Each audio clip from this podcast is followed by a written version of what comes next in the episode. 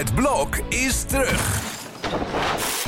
Vier koppels, vier bouwvallen, vier verbouwingen en dus een hele hoop stress. Het blok, iedere werkdag om half negen bij net vijf.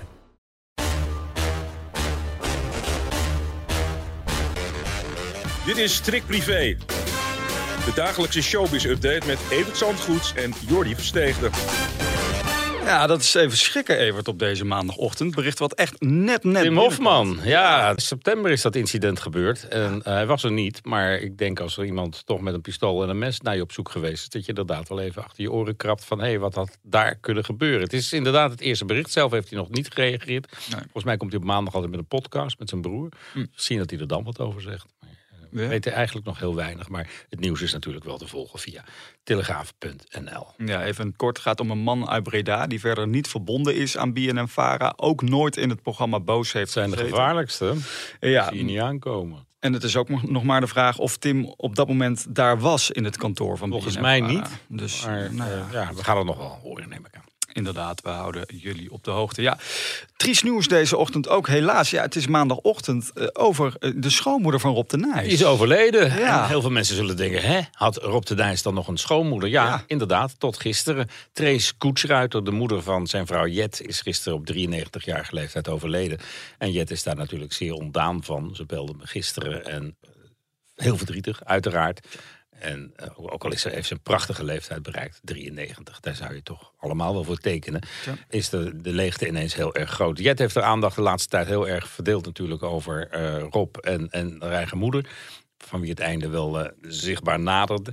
En nu is er ineens die leegte. En ja, ze heeft van de week nog wat in de agenda staan. De televisiering gala, want Rob is genomineerd voor de Impactprijs. Met zijn afscheidsconcert, wat vorig jaar in december is uitgezonden. Ja. Dus het is vast van plan om toch naar Carré te gaan. Om, mocht Rob winnen, die prijs namens hem in ontvangst te nemen. Ondanks al het verdriet.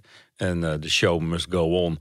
Dat, eh, ze is lang genoeg met Rob om te weten dat dat zo werkt. Ja. Dus ja, daar gaat ze toch naartoe. We wensen haar veel sterkte. Zo staat.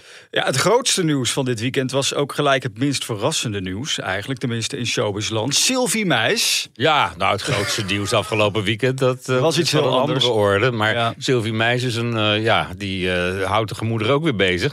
Want eh, ze heeft weer een nieuwe liefde. Je verwacht het niet. En- De slager? Ja, nee, meneer Belen.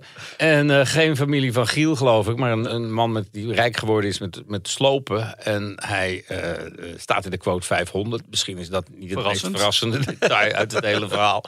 Maar ze schijnen het leuk te hebben. En ze waren in ieder geval afgelopen weekend op een bruiloft in Major op Mallorca. Een, een vriendin van eh, Sylvie, een cosmetisch arts, die, die trouwde. En eh, daar zijn ze eh, samen naartoe gegaan. Ja. Uh, Nicolas Castello reageerde gisteren in Showbiz niet direct, in Shownieuws niet direct op dat nieuws. Nee. Maar wel dat ze nog steeds heel goed contact hadden. En dat Sylvie toch wel heel buitengewoon geweldig is. Maar dan val je als Wim Belen toch ook wel met je neus in de boter. Dat je gelijk mee mag naar zo'n bruiloft. Dan Ja. weet je ook gelijk wie de vriendinnen van Sylvie Meis zijn. Joh, jongen, op Mallorca. Dus de champagne zal rijkelijk gevloeid hebben. En misschien dat Sylvie er ook nog wel van genipt heeft. Ja. Maar eh, ja, dan, eh, dan weet je in ieder geval in welk circuit je terechtgekomen bent. Ja, inderdaad. Nou, ze hebben elkaar leren kennen. Naar het schijnt hoorde ik dan dit weekend in een restaurant. Daar zat Sylvie en zij kregen iets te eten wat niet helemaal naar haar zin was. En dat ving die Wim aan een tafeltje verderop op. En die heeft toen gezegd van, oh, nou, nou dan, dan wil ik het wel. En dat was de flirt. En zo zijn ze bij elkaar gekomen. Nou, ik vind het een raar verhaal. Dat een vork overgesprongen.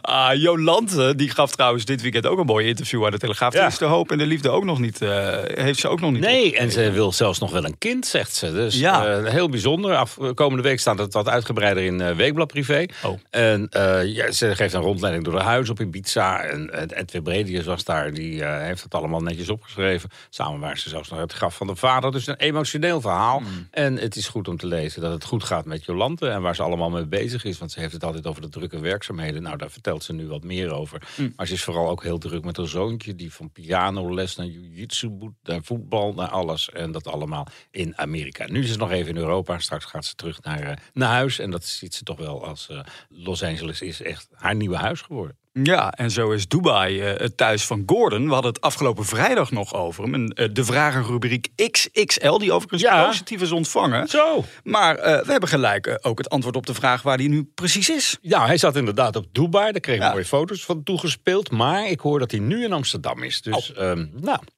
Wat een nieuws allemaal. wel even, zou ik zeggen. nou, Nee, hij was ook in zijn koffieshop. Dus Ja. ja. ja, het is business as usual bij Gordon. En dat is wel goed ook. Want ja, Ja. de, de andere werkzaamheden houden zo langzamerhand op.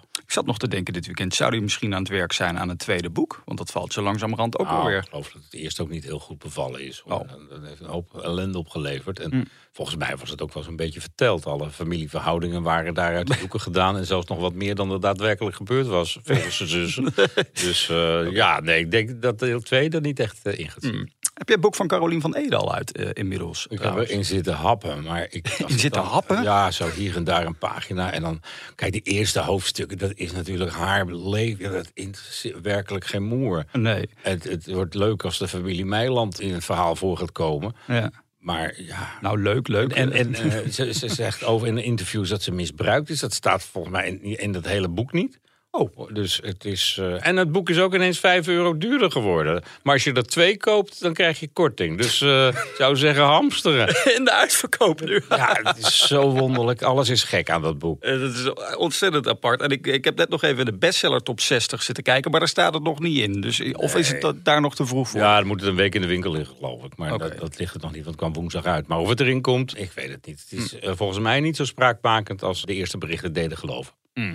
Ja, ondertussen werkt eh, Nicoleke, de ex van Peter Gillis, ook aan een schandaalboek. Tegelijkertijd eh, legt eh, Peter Gillis, althans dat probeerde hij, een dwangsom op van 1,7 miljoen. En morgen mag ze weer wat anders doen. Ja, inderdaad. Dat is Ja. ook nog een raar verhaal voor de mensen die dat gemist hebben. Eh, Morgen is het eh, 10-10 en om 10 uur, ook dat nog eens, eh, moet ze zich melden bij de rechtbank in eh, Brabant ergens, Breda geloof ik. En eh dan moet ze voorkomen omdat ze geweigerd heeft dronken een eh, bloedproef af te laten nemen. En dat wordt er zwaar aangerekend. Ik geloof dat de advocaat Sebas Dijkstra met een heel pleidooi komt waaruit moet blijken dat het eigenlijk de schuld is van Peter Gillis, die al een jaar, een maand of vijf uit haar leven was toen het gebeurde. Maar eh, dat gaan we morgen allemaal horen in de rechtszaal van Breda.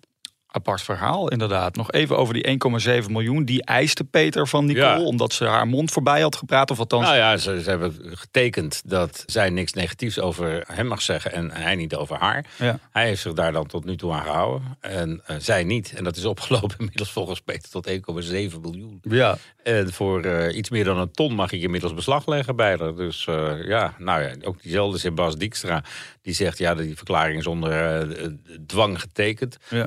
Nou, ik geloof niet dat het daar morgen over gaat, maar eh, ja, dat komt dan ook allemaal nog naar buiten. Wat een showbizweek nu Oh, oh. oh, oh, oh, oh. En ondertussen gebeuren er allerlei trieste dingen in deze wereld... die we Ja. uiteraard ook niet vergeten. Maar meer daarover lees je op telegraaf.nl. Dit was hem voor deze maandag, Evert. Is dat zo? Jazeker. En morgen om 12 uur. Zijn wij er weer? Tot dan.